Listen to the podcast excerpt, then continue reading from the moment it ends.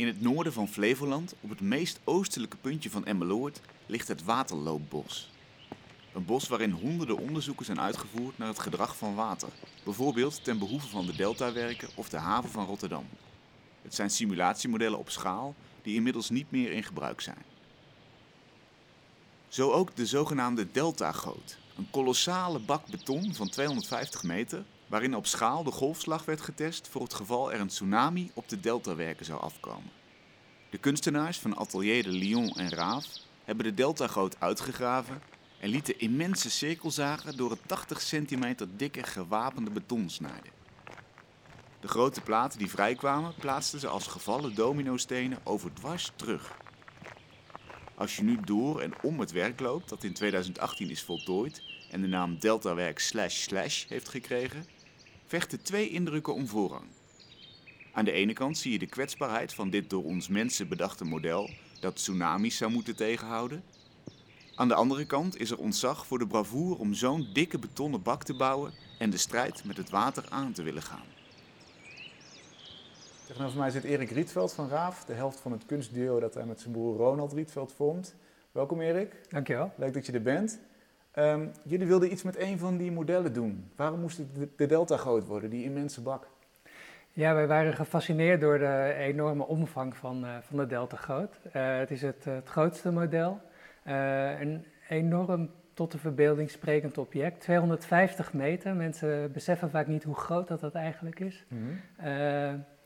en het, is, het heeft wanden die, die bijna een meter dik zijn. En we wilden daar eigenlijk Um, echt de, de kwetsbaarheid bevragen van, uh, van onverwoestbaar Nederland. Of eigenlijk de, uh, de intentie die, die Nederland, uh, Nederlandse ingenieurs hebben om een onverwoestbaar Nederland te bouwen. Mm -hmm. En ons te beschermen tegen zeespiegelstijging. En in deze tijd is dat natuurlijk ja, steeds meer de vraag of, of die, die, dat idee van we bouwen een onverwoestbaar Nederland, of dat dat houdbaar is. Uh, en juist door het, uh, het, grootste model, als het ware, daar de zaag in te zetten, uh, hadden we het gevoel dat we die kwetsbaarheid het beste konden, voelbaar en ervaarbaar konden maken voor mensen ook. Ja, ja. want dat is eigenlijk de bak, dat is het werk waar het grootste bravoure is tentoongesteld. Hè? Zo van, oké, we gaan dit... We gaan dit oplossen als we maar genoeg materiaal storten en een, en een geweldig schaalmodel maken. Ja. Dan kunnen we die natuur wel de baas. En jullie dachten, dat is eigenlijk een soort, is dat hoogmoed? Zou je het hoogmoed noemen? Nou, dat weet ik niet. Ik denk op dat moment was, was het de, de, de, de stand van de techniek en de stand van het wetenschappelijk denken. Um, um, nu, achteraf gezien zou je het misschien kunnen zien als, als bijna hoogmoed. Uh, en er wordt inmiddels ook heel anders nagedacht over de, de, de, strijd tegen het water. Is meer het werken samen met water en, uh, en kijken hoe je op die manier uh, kunt ingenieurswerken kunt maken die meer meebewegen met, met de natuur. Ah, dus niet maar, meer tegenhouden, maar meebewegen. En hoe ziet dat eruit? Nou, bijvoorbeeld uh, voor de kust is nu natuurlijk een manier om uh, uh, door een grote berg zand in het water te storten, brengt de, de stroming en de wind brengt het naar, naar de kust en dan worden de duinen versterkt. Dat is een andere manier om, oh, om zeestijging buiten de deur te houden. Ja. Dan laat je het water eigenlijk het werk doen. Ja, je, je geeft nog wel steeds het zand wat, wat nodig is voor versterking van de duinen, maar uh, ja. uh, verder laat je, de, uh, laat je de natuur eigenlijk een deel van het werk doen, ja. ja. ja. En wat jullie dus hebben gedaan is onder andere delen eruit geslepen en over dwars geplaatst. Om misschien ook die, ja, laten we zeggen, die, die, die krachtige vorm van dat recht, recht denken en recht vooruit denken te doorbreken, te, te blokkeren bijna. Hoe, hoe ben je op die vorm gekomen? Zijn er nog meer ideeën rondom die vorm? Nou, de vorm, uh, ik denk eigenlijk het belangrijkste van wat je ziet als je op locatie bent, um, is eigenlijk ook dat de bak zelf uitgegraven is. Voorheen zat het gewoon echt uh, onder de grond. Uh, en hadden mensen niet door hoe groot, hoe, hoe hoog die bak eigenlijk was, 9 meter. Als je daar tegenover staat, tegenover 9 meter, dan voel je jezelf ineens heel erg klein worden. Ja. Um, dus dat uitgraven was echt uh, uh, voor ons heel belangrijk om die, die ervaring van die enorme, van die enorme schaalmodellen uh, over te krijgen.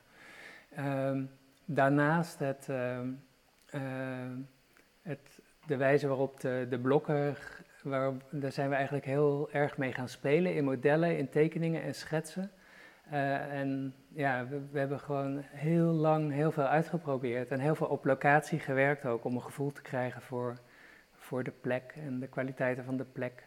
Uh, maar um, het spelen met, uh, met de maquetten en, met, en in tekeningen en 3D-modellen, dat is eigenlijk de manier waarop we tot deze vorm zijn gekomen, die voor ons heel erg erover ging ook om, om beweging te krijgen in dat abstracte harde beton. Mm -hmm. um, en um, ja, ik zelf had altijd het gevoel van, nadat ik die tsunami in Japan tekeer had zien gaan, uh, die kracht van water is zo enorm en alles wordt meegesleurd, van, van bussen tot, tot vrachtwagens tot huizen.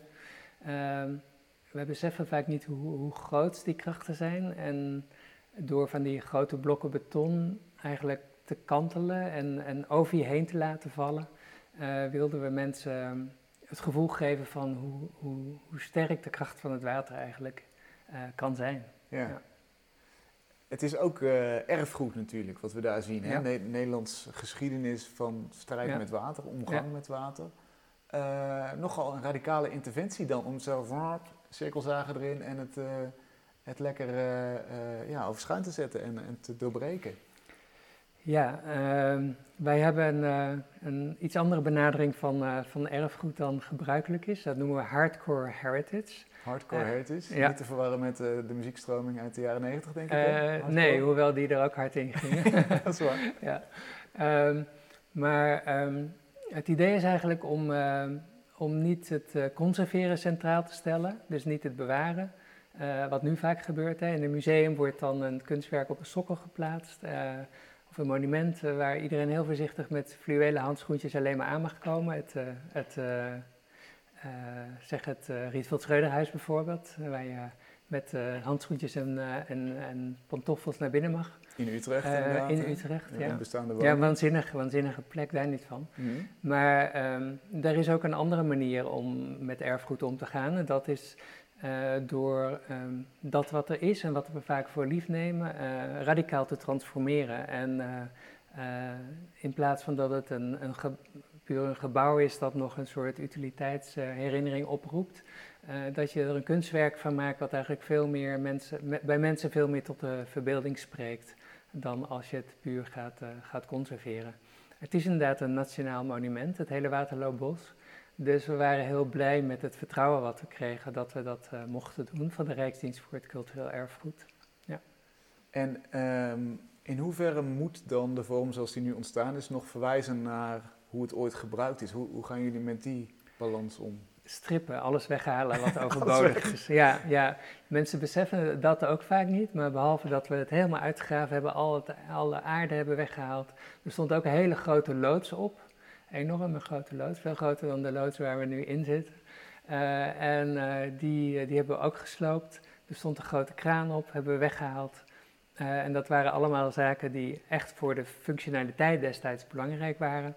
Maar wij waren meer geïnteresseerd om een veel abstracter werk te maken. Dat, ja, dat veel meer tot de verbeelding spreekt en, en vragen oproept en mensen aan het denken zet.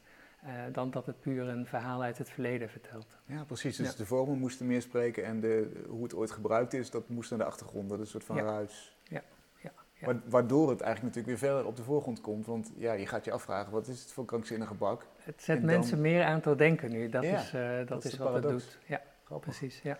Wat is jouw favoriete moment van de dag om die bak te zien? Je hebt hem waarschijnlijk al heel vaak gezien. Of tenminste, heel vaak gezien. Ik noem het nog een bak, maar misschien is het, het is een kunstwerk. Ja, het is een kunstwerk, maar uh, ik kom daar graag uh, bij uh, heel wisselvallig weer. Maar eigenlijk is het denk ik het beste antwoord. Met elke weersomstandigheid verandert die weer. Het is een soort toverbal wat dat betreft. Um, of een instrument om het weer te leren kennen. Uh, de verandering van het weer die, die wordt eigenlijk gereflecteerd door het kunstwerk. En daardoor is het uh, uh, met heel wisselvallig weer heel bijzonder. Maar mm -hmm. ik zou iedereen aanraden om, ja, om op, bij verschillende soorten weertypen terug te komen. Maar hoe bedoel je dat dat gereflecteerd wordt? Want het is beton, dus het is niet iets van glas of zo? Of? Nou ja, bijvoorbeeld beton, als het nat wordt, dan, dan trekt het vocht erin en dan wordt het bruinig en dan ontstaan allerlei vlekken op. Um, bij wat het werk ook heeft, is dat er heel veel ehm, schaduwen ontstaan. en dus bij zonnig weer, dan krijg je daar weer donker en lichtspel. Ehm, de reflectie in het water, die speelt heel erg mee altijd. Dus op die manier verandert het, verandert het werk voortdurend. Maar dat zie je pas als je er af en toe terugkomt. Ja? ja. Uh, nou begon ik die inleiding met die twee uitersten. Aan de ene kant misschien uh, respect voor het bravoure waarmee je dan die enorme natuurkrachten te lijf gaat. Aan de andere kant de futiliteit daarvan bijna. Dat je inderdaad denkt van dit kan alleen maar mislukken. Naar welke mhm. kant neig jij meer? Nou, voor ons is het meer, uh, gaat het echt meer om het bevragen van die, die dus de vraag überhaupt stellen van ja Ehm, in deze tijd van klimaatverandering is het, is het, hoe mogelijk is het nog om een onverwoestbaar Nederland te bouwen? Ehm, dus ik zie het meer als een vraag dan als een, als een stellingname. Hmm. Ja. Ja. Er zijn er geruchten dat er uh, wel eens gezwommen is in het water rondom het kunstwerk. Klopt, kun, je daar iets over vertellen? Nou, toen wij, als wij een nieuw werk maken, we maken altijd locatiespecifiek werk en we proberen dan de kwaliteiten van de plek van het kunstwerk uh, naar voren te halen. Um, en een van de, we maken vaak hele grote werken en om de schaal te laten zien, ehm, stoppen we bijna altijd wel een mensje ergens in de beelden die we maken uh, vooraf, om mensen te tonen wat het uiteindelijk zou kunnen gaan worden. Uh, en in dit geval was het een zwemmend figuur in, in dat water rondom het kunstwerk. Um, en um, uh, vervolgens uh, blijkt dat het eigenlijk een hele fijne plek is om, om erin te duiken. Uh, dus het is een van de meest bijzondere momenten uh, om, het, om het werk te, te, beleven, of de meest bijzondere manier om het kunstwerk te, te, ervaren, is eigenlijk om gewoon in het water te springen en er doorheen te gaan zwemmen. Ja. En hoe, hoe zwem je dan? Neem ons eens mee in, in de locatie. je kunt vanaf de brug erin ja. en dan, daar is het ongeveer 1,70 diep. En dan kun je gewoon echt erin zwemmen en dan zie je de, de platen op je afvallen als het ware. Ja. ja. Wat je misschien nog kleiner maakt als je eenmaal in het water ligt. Exact. Dan, en je hoort de echo ook van, uh, van het geluid. Ja, ja. Hoe is jouw waardering voor dit werk veranderd? Je hebt natuurlijk een, een, moment dat je eraan begint en dat je in het werkproces zit en, en nu is dat helemaal afgerond. Hè? Dus dit is helemaal klaar. Heb je een ander begrip gekregen gedurende die periode? Uh, ja, um, um, we hebben hier vijf jaar aan gewerkt. Uh, dus het is echt een enorm karwei geweest. Um, wat er ontstond was, uh, bij het doorzagen krijg je de zaagvlakken waar, die, waar dat beton eigenlijk zich blootgeeft en waar je ineens die schoonheid ziet van, van de kiezels die in het beton zitten. En dat zie je heel mooi op de zaagvlakken. Um, dus op het moment dat ik dat zag, uh, hoe mooi dat beton, gewapend uh, beton van binnen is, dat was wel een van de, een van de heel bijzondere momenten. En daar kom ik altijd nog weer graag naar kijken als ik, als ik ter plekke ben. Um, ja, en verder wat ik zei van dat het met elk weertype verandert, dat had ik vooraf niet zo beseft. dat is echt heel bijzonder wel aan het werk. Ja. Ja, je zou denken gewoon een, een grijze betonnen bak. Ja. wat, wat, wat doet hij met zijn omgeving? Ja, Nee, het, uh, het absorbeert uh, het weer op een of andere manier. Ja. Wat is de ideale setting wat jou betreft? Hoe, hoe moet hij er over 20, 30, 40, 50 jaar bij liggen, dit werk? Nou, um, ik vind het, uh, het kale beton zoals het nu is fantastisch. maar um, wat er gaat gebeuren, en dat is ook wel heel spannend denk ik, uh, is dat um, dit eigenlijk ook een vorm van actieve ruïnevorming is. Dus in Nederland hebben we niet zoveel ruïnes. Um, en hier wordt eigenlijk, um, in het Waterloopbos liggen er natuurlijk een aantal, uh, die zijn overwoekerd door de natuur. Maar wat dit kunstwerk uh, gaat doen is ook, het gaat overwoekerd worden door de natuur die daar, die daar is. Dus ik ben heel benieuwd hoe dat, dat, uh, hoe dat, dat uh, zich zal gaan ont ontwikkelen. En dan vooral door ehm, mos en algen en Ja, denk, denk aan mos vooral. Ja. Ja, ja, ja. Je ziet op sommige plekken het al wel, het al wel groen worden. Ehm, ja, dat is een spannende, een spannende nieuwe ontwikkeling. En waarom eigenlijk? Waarom willen jullie het niet laten schoonmaken? Um, het is onderdeel van, van een plek waar die eigenlijk bekend staat. Het Waterloopbos is een, een, een rijksmonument geworden. Uh, omdat het uh, eigenlijk zo'n mooie symbiose is van, uh, van, van natuur en ingenieurskunst. Kunstwerken van ingenieurs, zeg maar. en um, op die manier leek het ook ons wel bijzonder om dat dan ook op deze plek te laten, te laten gebeuren. En, en het te zien als een experiment in, in actieve ruïnevorming. Dus dat was eigenlijk het idee van, ja, dat gaan we doen. En uh, het, is een, het, is, het voelt als een risico, omdat het, omdat het schoonmaken eigenlijk, dan weet je wat je hebt. En ja. dan, um, ja, dan heb je die, die supercoole betonnen structuur.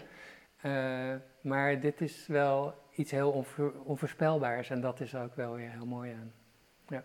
Is hardcore erfgoed en actieve ruïnevorming. Exact, ja. Dat ja. moet je gewoon gaan zien in het echt. En het is Zeker. ook een geweldig werk geworden. Dus Dankjewel, fijn uh, dat je wilt toelichten. Bedankt voor je mooie vragen.